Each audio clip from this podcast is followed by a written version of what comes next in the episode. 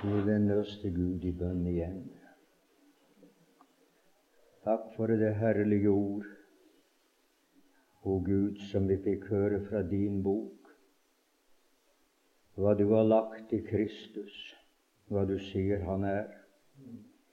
Og vi priser det fordi at vi kan regne med den kraften ble åpenbart, den kraften er tilgjengelig ja, takk, det er korsets kraft og korsets ord.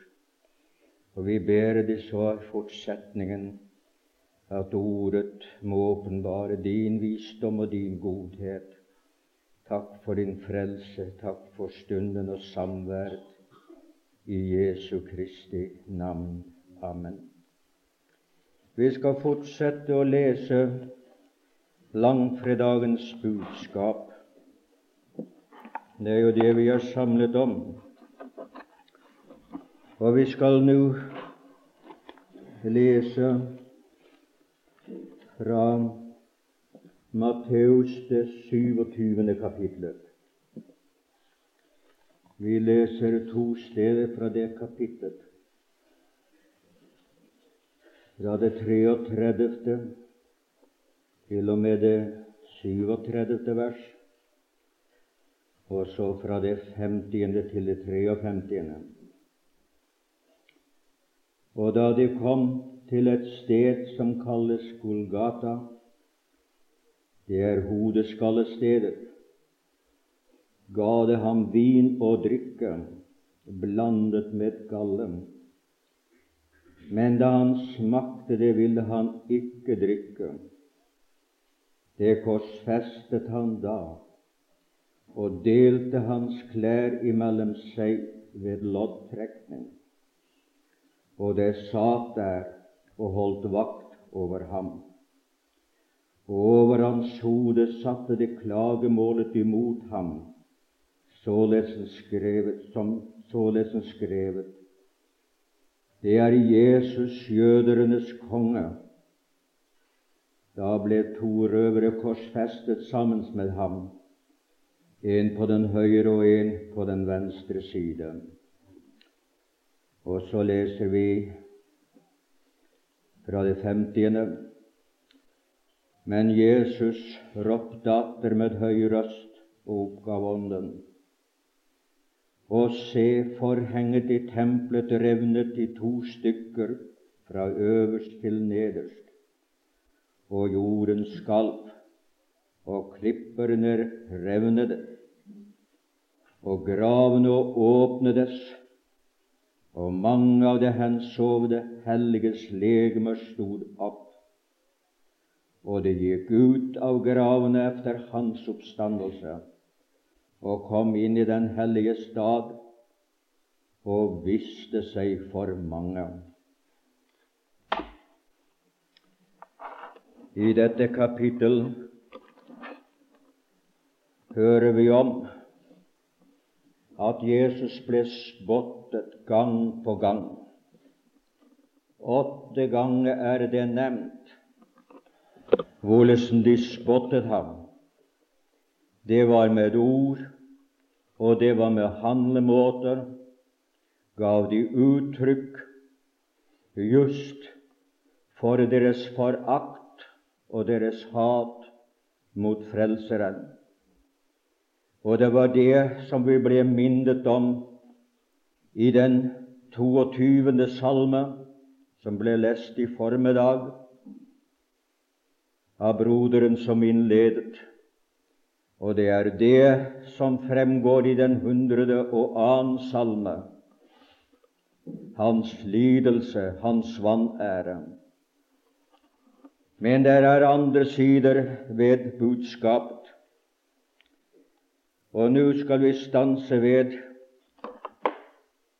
syv forskjellige ting. Det syv undre ved Kristi kors. Jeg nevnte i formiddag mirakler. Det var feil. Jeg eh, overså det. Men det er undre. For undre kan være mirakel. Men det kan også være oppimot en merkverdighet som Gud står bak ved. Der er slike undre i forbindelse med Jesu død som er bemerkelsesverdig i dette avsnitt og andre avsnitt som omtaler hva som skjedde ved Golgata. Og vi skal dvele ved dem. Innskriften på Jesu kors var en kunngjøringens under. Var en kunngjøringens under. Jesus jødernes konge og det var skrevet på tre forskjellige språk. Det var skrevet på hebraisk, det var skrevet på gresk, det var skrevet på latin. Den sanne religions språk stod skrevet på korset, og den sanne religions kors eller, bo, eller språk, det var det hebraiske. I det språk har vi Det gamle testamentet, og representerte Guds åpenbarelsen og Guds profetier om sin elskelige sønn. Alt sammen dreier seg direkte og indirekte om da han skulle komme og bli slektens forløser. Den høyeste kulturspråk, det var det greske språk, den greske kultur, som har satt så dype merker og også nådd opp her til Nordens land.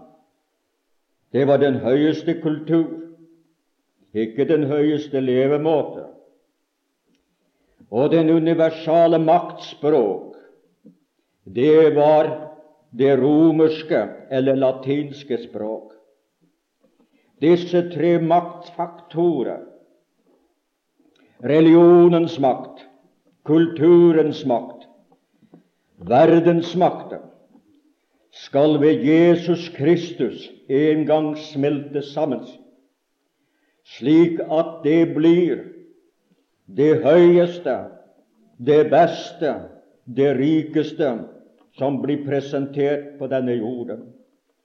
Nå er det bare noen som opplever det, som aksepterer det, som tar imot det.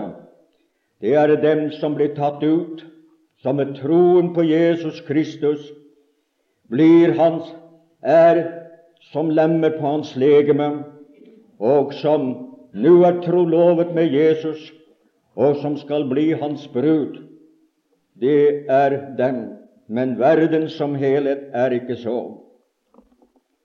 Den sanne religionsspråk er korsets budskap. Noe høyere budskap og noen høyere religion finnes ikke. Alle de andre religioner er falske religioner, bedragerske religioner. Det er bare korsets budskap som er en Guds kraft til frelse. Alle de andre, det har Satan en finger med i spillet. Det kan appellere til mangt og meget, men det når ikke inn til sjelen. Det har ingen sted for treder. Den sanne kultur, det er den himmelske kultur. Det er den himmelske ideologi. Det er Guds syn på saken. Det er Hans vilje, det som han anser er mest for menneskene selv, for mennesket innad, for mennesket utad og for mennesket oppad. Det er den sanne kultur. Det er mange slags kulturer, og den kultur som er rådende og vinner terreng mer enn andre, er i dypeste forstand så fiendtlig innstilt overfor Kristus at når det blir utkrystalt i sin helhet, vil det vise seg å være antikrist kultur så vel som religion. Den sanne makt er Kristi kjærlighet. Ingen større makt finnes enn den makt som Gud åpenbarte, og som vi har i den lille Bibelen. Så har Gud elsket verden, at han gav sin sønn den enbårne, for at verden som tror på ham, ikke skal fortapes.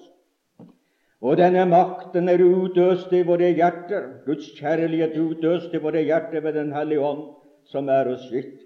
Og vi elsker ham, sier Johannes, fordi han elsket oss først.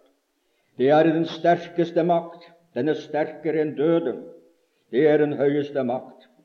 Og når både religionen og kulturen og makten åpenbares ved Kristus ved Hans komme, opplevd av dem som mottar ham her i tiden, forkastet av dem som vil ikke ha bruk for korsets budskap, men når Han kommer, og skal herske fra, til, fra pol til pol, fra land til land. Ja, som det er sagt i den annen salme, begjær av meg, og jeg vil gi de hedningene til arv og jordens ender til eie, og at kunnskapen om Herren skal være som havet, det skal nå alles dess hen. Jesus Kristus, Messias, han er jordens konge. Ingen kan fjerne ham fra tronen med vold. Mange har bekjempet ham, men uten hell. Og jeg kunne i dag ha fortalt dere hva som skjedde med alle disse fremtredende fiender som han hadde. Hvordan det gikk dem ille bare i løpet av et år. Så kom hevnen. Det var deres nemesis. Det var den guddommelige bumerang som rammet dem fordi de har stilt seg opp imot den allmektige når han kom for å ville frelse. Alle skal en gang erkjenne at han er herre til Guds ære. Alle skal en gang falle på kne og innrømme hva han er det. Ikke et knefall til frelse, for det må skje her i tiden. Nå er frelsningens dag, nå er Gud å finne. Søk ham mens han finnes. Men det kommer en dag hvor at alle sammen, de som har trosset ham, de som har spottet ham, de som har forkastet ham, de må bekjenne du var den du ga deg ut for å være. Men det er ikke nok til frelse men det er nok til at innrømme Gud talte sannhet. Han gav sin sønn, som var sannheten, og er sannheten, og livet. Priset være Hans navn. Således at innskriften på korset var en kunngjørelsens under.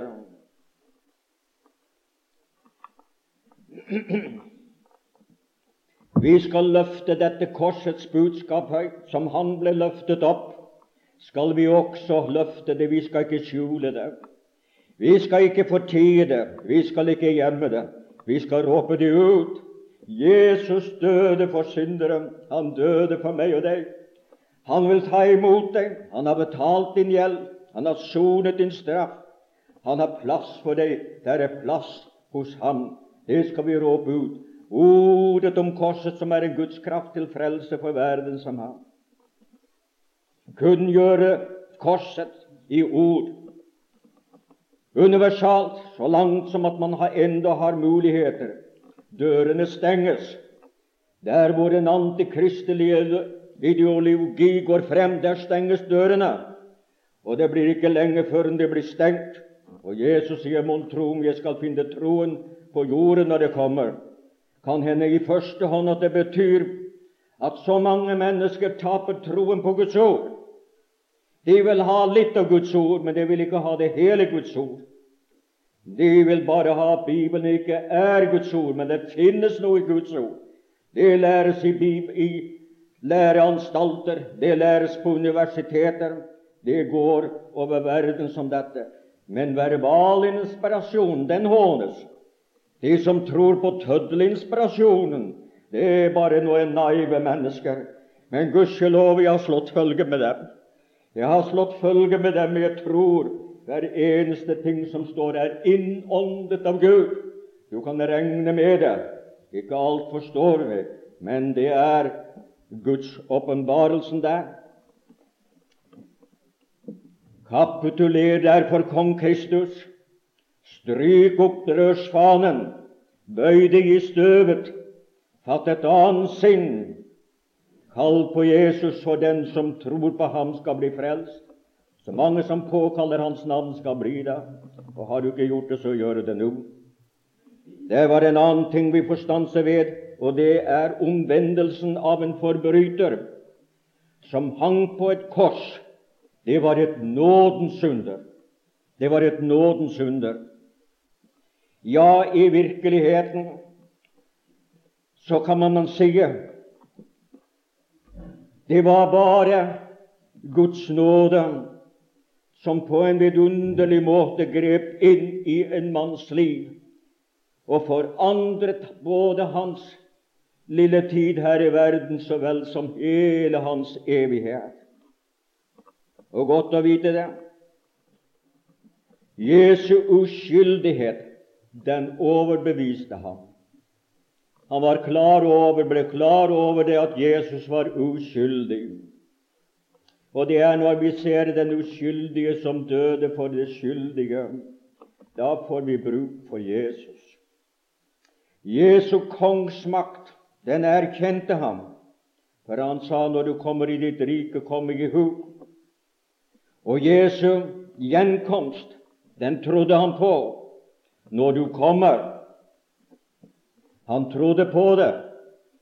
Og den som tror Sønnen, eh, han har fått livet. Det er godt å kunne få tro på noe. Og han bad om å bli husket av Jesus, men fikk et paradis med Jesus. Ja, han er ikke knuslet, vår frelser.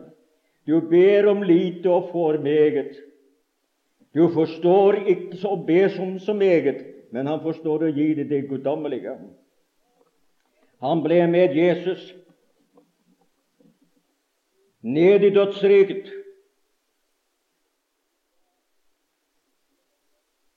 Ut av dødsriket. Da Jesus Kristus hadde predikt for åndene som var det for barnet. Ikke predikt for predike, det betyr å proklamere. Og Det var ikke et frelsesbudskap til dem som har vært gjenstridige på Noas tid, men det var en, en kunngjøring. Men det var en masse i dødsriket som ikke har oppnådd løftet, som har dødd, og som var der som gjeldsfengs, i gjeldsfengslet på grunn av synden. For ifølge Hebreabrevet til tiende kapittel så kunne ikke blodet av, av offerdyrene ta bort syndene, bare ble fikk en mindelse om det kan du lese i det første og det annet vers i det tiende kapittel i Hebreabrevet. Og så kom Jesus Kristus, og så hadde han betalt gjelden. Så var det ikke lenger gjeldsfanger. Så hadde han dødd i deres sted, og så oppnådde de løftene. Og så hører vi om dem når at, de kom, når at Jesus bortførte fanger og ga menneskegaver. Da førte han de fullendte ånder, rettferdiges ånder, frem til herlighet. Ja, sådan var forholdet. Han ble med, med Jesus. Og den som tror på Sønnen her i livet, vil i all evighet få lov å være sammen med Jesus. Hvor stort og hvor godt er ikke det? Veien delte seg fra korset. Nå går alle frelste oppover. Da før korset gikk alltid veien nedover. De som døde i tro, men som ikke hadde opplevd det Det nye testamentet. Men det som ble på Golgata, og dem som har dødd i tro, de fikk det da han oppstod. Vi kommer tilbake til det litt senere. Belgmørket midt på dagen som skjulte det tre kors og alt øvrig, det var et astronomisk under. At det just i den stund da Jesus hang på korset, i de tungeste timer han hadde, og som noe mennesker har hatt, så skulle det bli mørkt. Gud sendte dette mørket. Det var ikke en alminnelig solformørkelse. Jeg har sett total solformørkelse. Det har jeg sett i Amerika. Men det var ikke mørkt. Vi kunne lese. Total solformørkelse gjør det ikke mørkt midt på dagen, selv om det kommer midt på dagen. Det her var et guddommelig mørke. Det var noe som Gud hadde villet. Han hadde hens hensikt med det. Skaperen av alt led for sin skapning, og han led i mørket. Den syndefrie ble gjort til synd, og han som var lyset, hang i mørket. Da han bar verdens synd, da han kjempet den største kamp, men da det også ble vunnet den største seier. Gud dekket over med sitt mørke under sin sønns lidelse og straff da han ble gjort til synd for oss. Det var så fryktelig for Gud at han ville ikke mennesket kunne se hans sønns lidelse i den grad som det var. Og hva måtte ikke han lide, vår frelser, når at han var blitt gjort til synd for oss, og at det behaget Gud å slå ham. Vi forstår det ikke. Og vendte seg bort for ham en liten stund, da han smakte døden for alle. Og det var ikke den fysiske død, den fysiske atskillelse. Det var for et øyeblikk den åndelige atskillelse. Men det var ikke synd i ham, og døden kunne ikke holde ham. Og han fikk foreningen med Herren. I din hånd overlater jeg min ånd. Da var mørket for ham borte, og da skjedde det som begynte, så å si, det som hører til oppstandelsesunderet. Gud dekket over. Min Gud, min Gud, hvorfor har du forlatt meg? At han kunne forlate oss, det forstår vi. Det kan vi fatte. Men ingen kan forstå hvor meget Jesus, den helligste, den reneste, den beste, måtte føle når alt var lagt på ham. Når ingenting av det onde var i ham, for det kunne det ikke komme, men når alt det onde var lagt på ham Du vet, hellige mennesker de reagerer på det som er stygt, sjofelt og fælt. Det er en smerte for det. De lider i sin ånd, er det til og med sagt om lott. Lot, hvor vi knapt nok kan forstå det, men led i sin ånd.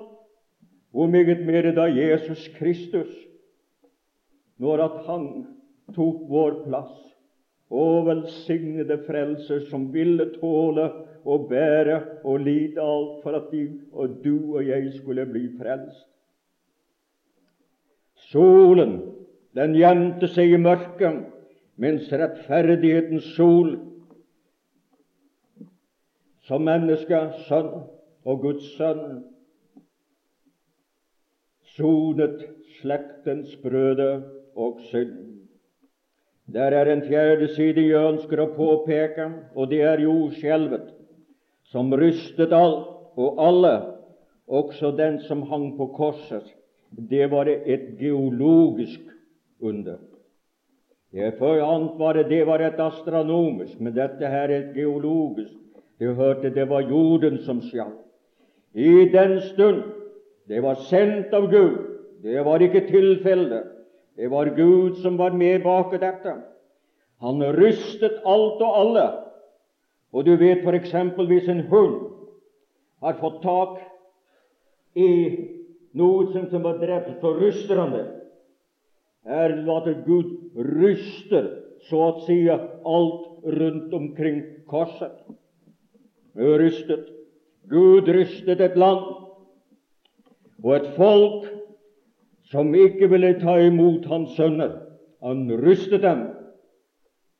Han rystet Og det skal gjenta seg igjen i den store trengsel, hvor det skal bli en rystelse universal over det hele jord, i den grad at ikke et hus ikke en mur skal bli stående, og folkenes byer falt. Og det er det samme som nasjonenes byer falt.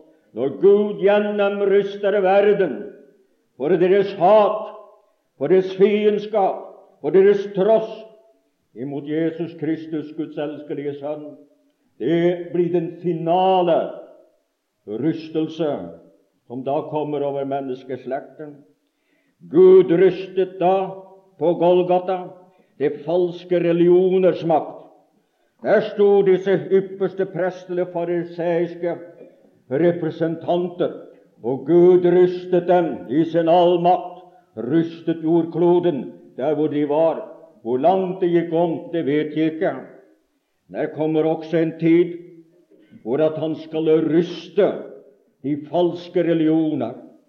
Babylon den store, moder til skjøgene på jorden, hun som kaller seg moder, endetidens falske religionsblanderi, som kan rømme alt, og som er en beskrivelse i åpenbaringsboken det 17. kapittel, som vil representere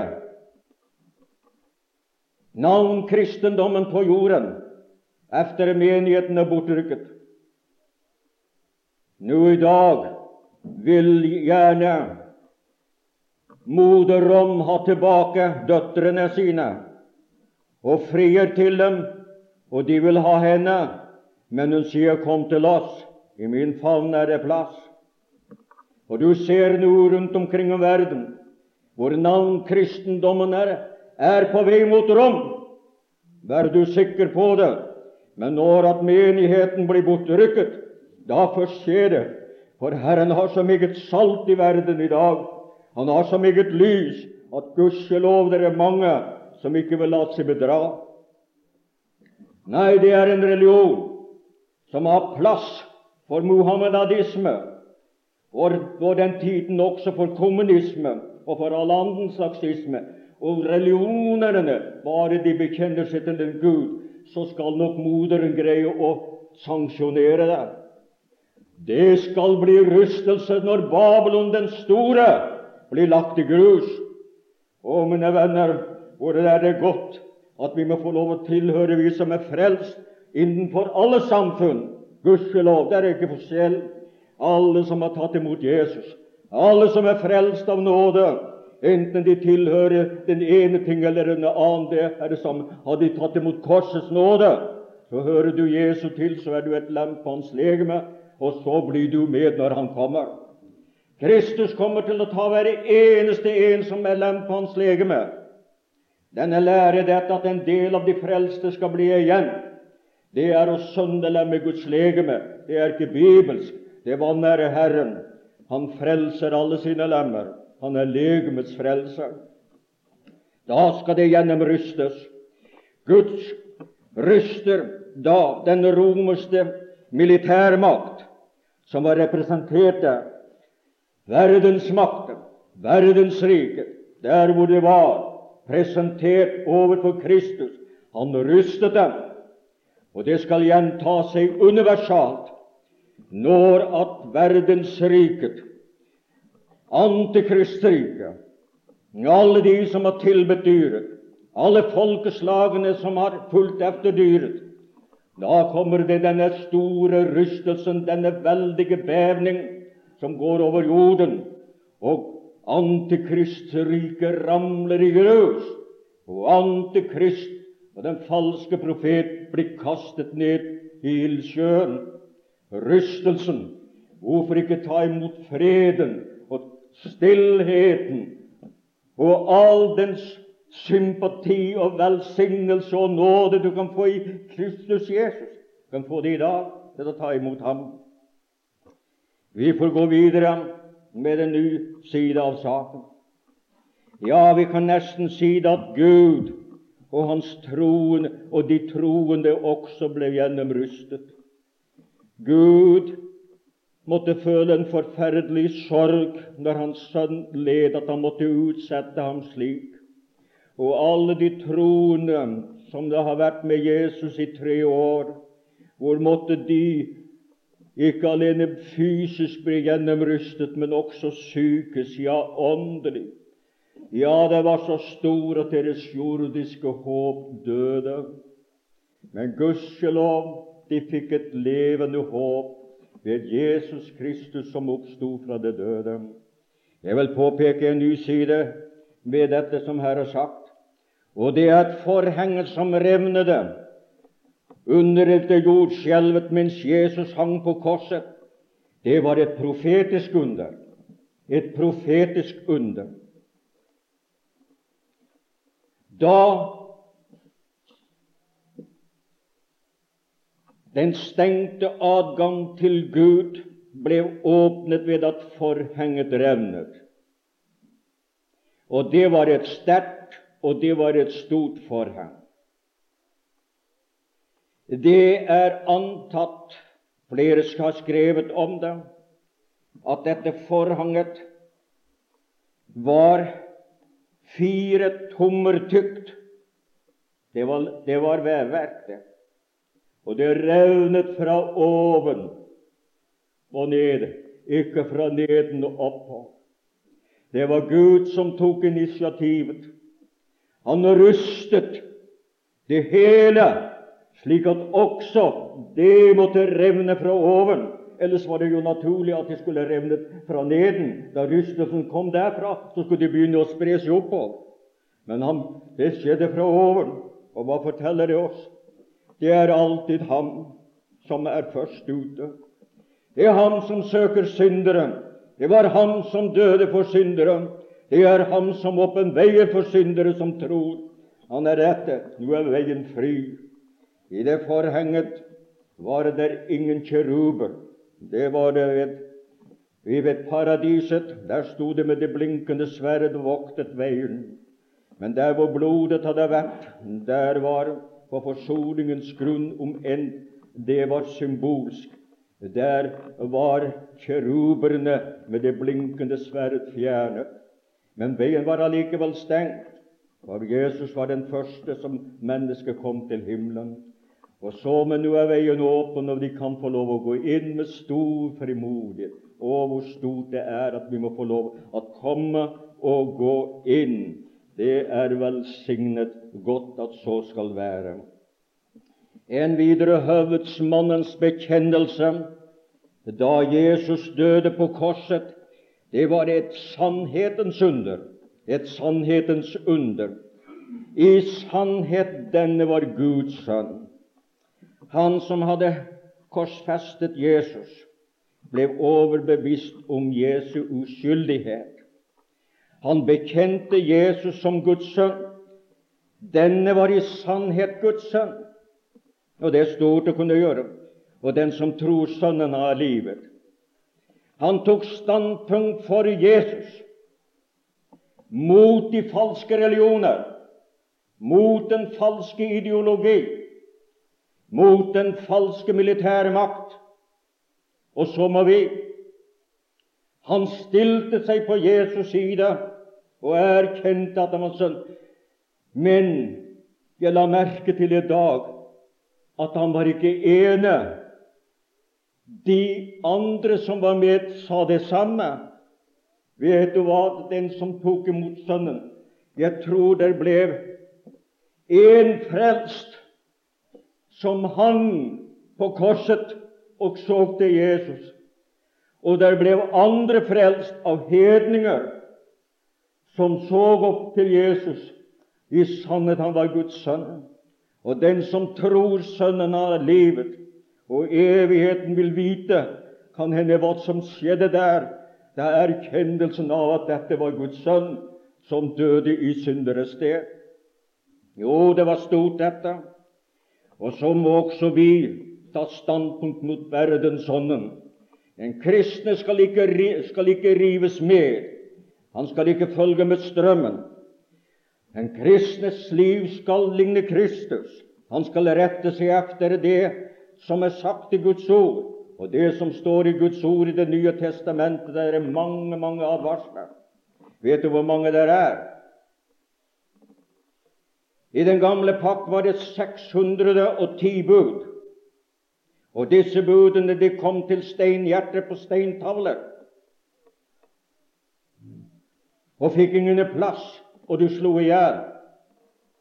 Og derfor var det da loven ble gitt, var det 3000 som tapte livet.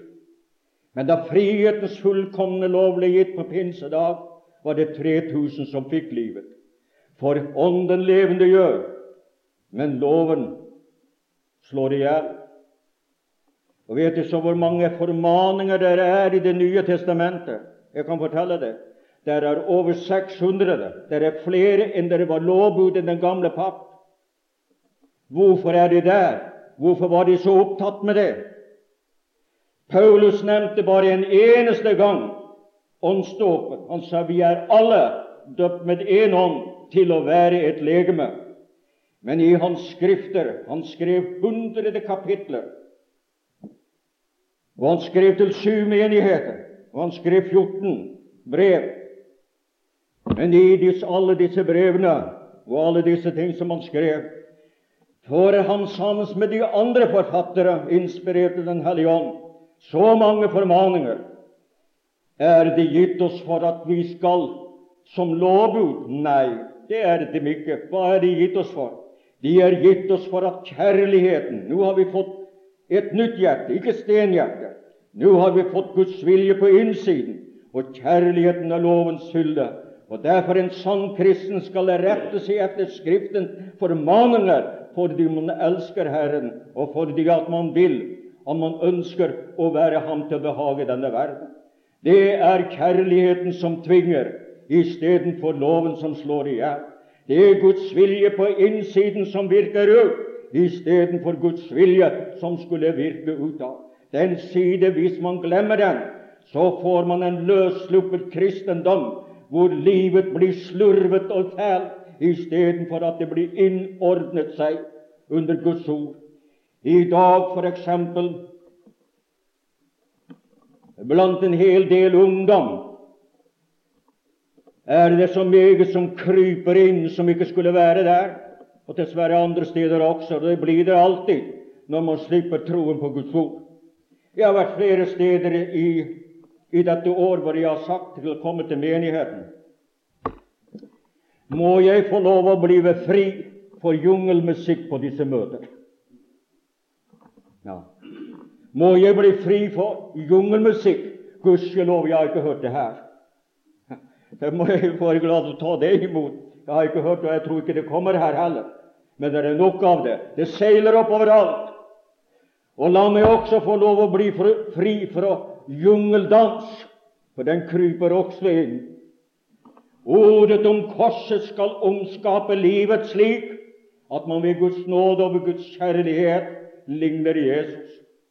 Å være åndelig, det å være kristelig. Å være kristelig, det å være gudelig. Å være gudelig, det å være kristelig. Å være kristelig, det å være gudelig. Det virker begge veier. Og det å ligne Jesus å ligne ham. Ja, jeg vet vi har den gamle Adam. Men den gamle Adam må ikke ha lov til å løpe løpsk. Den skal få lov å være under Helligåndens kontroll, for at man må leve til Herrens ære og ikke være, skal bringe skam over Hans navn. Her var så noen som bøyde seg for evangeliet på troen på Jesus. Og jeg tror den høvedsmannen var ikke den, da, den samme dagen efter. Sluttelig skal jeg nevne Oppstandelsen av nogle av det døde da Kristi døde på korset, var Kristi seierskrafts første og største bytte. Det var hans første bytte, hans store bytte, seierskraftens store under. Men det var allikevel bare begynnelsen. Disse døde som oppstod da. Det har jo vært en gåte for mange. Disse var en første grøde fra den gamle pakts troes helter. Det ble sagt av dem at det var en del av dem som ville ikke ta imot, altså som var tilbudt livet, men som avslo fordi de ville ha del, for at de skulle få del i en bedre oppstandelse. En førstegrøt.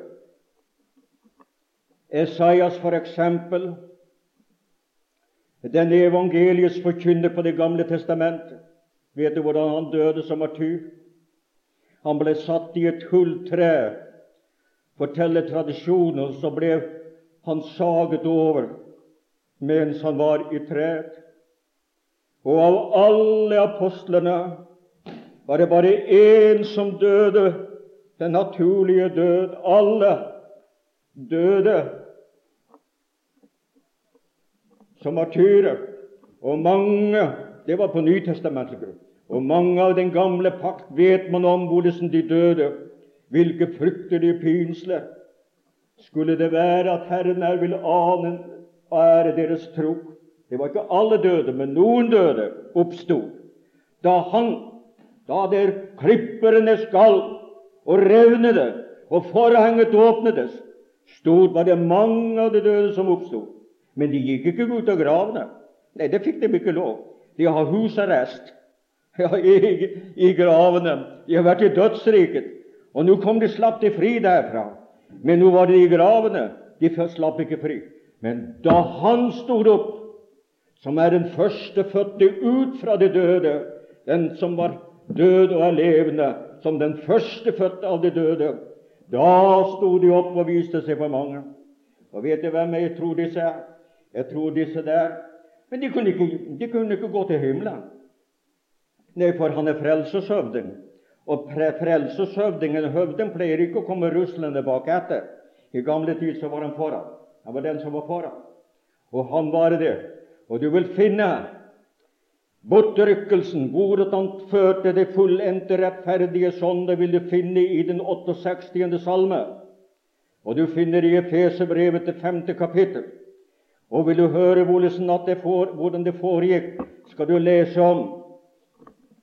For eh, den 23. er korsets salme, og den 22. er nådens salme, og den 23. er herlighetens salme. Der får du høre hvordan han tok inn i herlighet, hvor han kom inn. Og da var det ble sagt der Da de evige porter ble åpnet opp. Og hvem som blir med der, kan du lese i det annet kapittel i Hebrevbrevet. Hebreabrevet. Der står det om da han førte mange barn til herlighet. Da han førte mange barn. Det var dem ikke før det var rettferdiggjort ved troen, men vi er gjenfødt til et levende håp ved Kristi Jesu Kristi oppstandelse. Så disse var uten tvil hans omgangskrets. Og så ble de tatt med, altså mens han var i de 40 dager for at det beviste at han var oppstanden. For først står alltid på det som har vært prøvet og vist seg å være riktig og holdbart. 40 dager var han fristet av djevelen og viste seg at han var den seirende. Og 40 dager visste han seg, og det var stadfestet at han var den oppstande. 40 står alltid for det som har vært prøvet. Mange steder i Skriften som vi ikke kan komme inn på. Og så kom dagen da han for til herlighet. Og hvilken han som tok, overvant den sterke, og tok hans bytte, og førte de fullendte rettferdige sonder. Og vil du lese i Hebreabrevet, det tolvte kapittel, så kan du se hvor de er kommet til, og hvordan de har det. Dette er noen av de undre, frelsens under, som skjedde da Jesus Kristus døde. Men hadde ikke Kristus stått opp fra det døde, så ville det være vår tro ville det være unyttig. Og vi vil være av de tåpeligste av alle mennesker som trodde på noe som skjedde. Men nå er han oppstanden. Halleluja. Ja, det er jo det vi skal tale om på påskedag, som jeg i formiddag talte om hva skjedde på Golgata. Så skal jeg ha emnet, om Gud vil, hva skjedde påskemorgen. Herre, la ordet få lov at få den plass i våre hjerter som du vil det skal ha. Og vil du si nåde til mennesker som, som ikke er frelst, om det skulle være noen her. at de ikke må vende seg bort, men de må tro og bli frelst. At de må komme til deg, Herre, og bli av med sitt og få det guddommelige og oppleve nådelivet og leve på og leve i og gå inn i herligheten på. Sign du Guds folk som er til stede, ja, alt folk, at de må både tro mot ordet og tro på blodet og tro på nåden i Kristus Jesus. Hør oss og bønn, hør oss, vi ber, o Gud, i Jesu Kristi navn. Amen.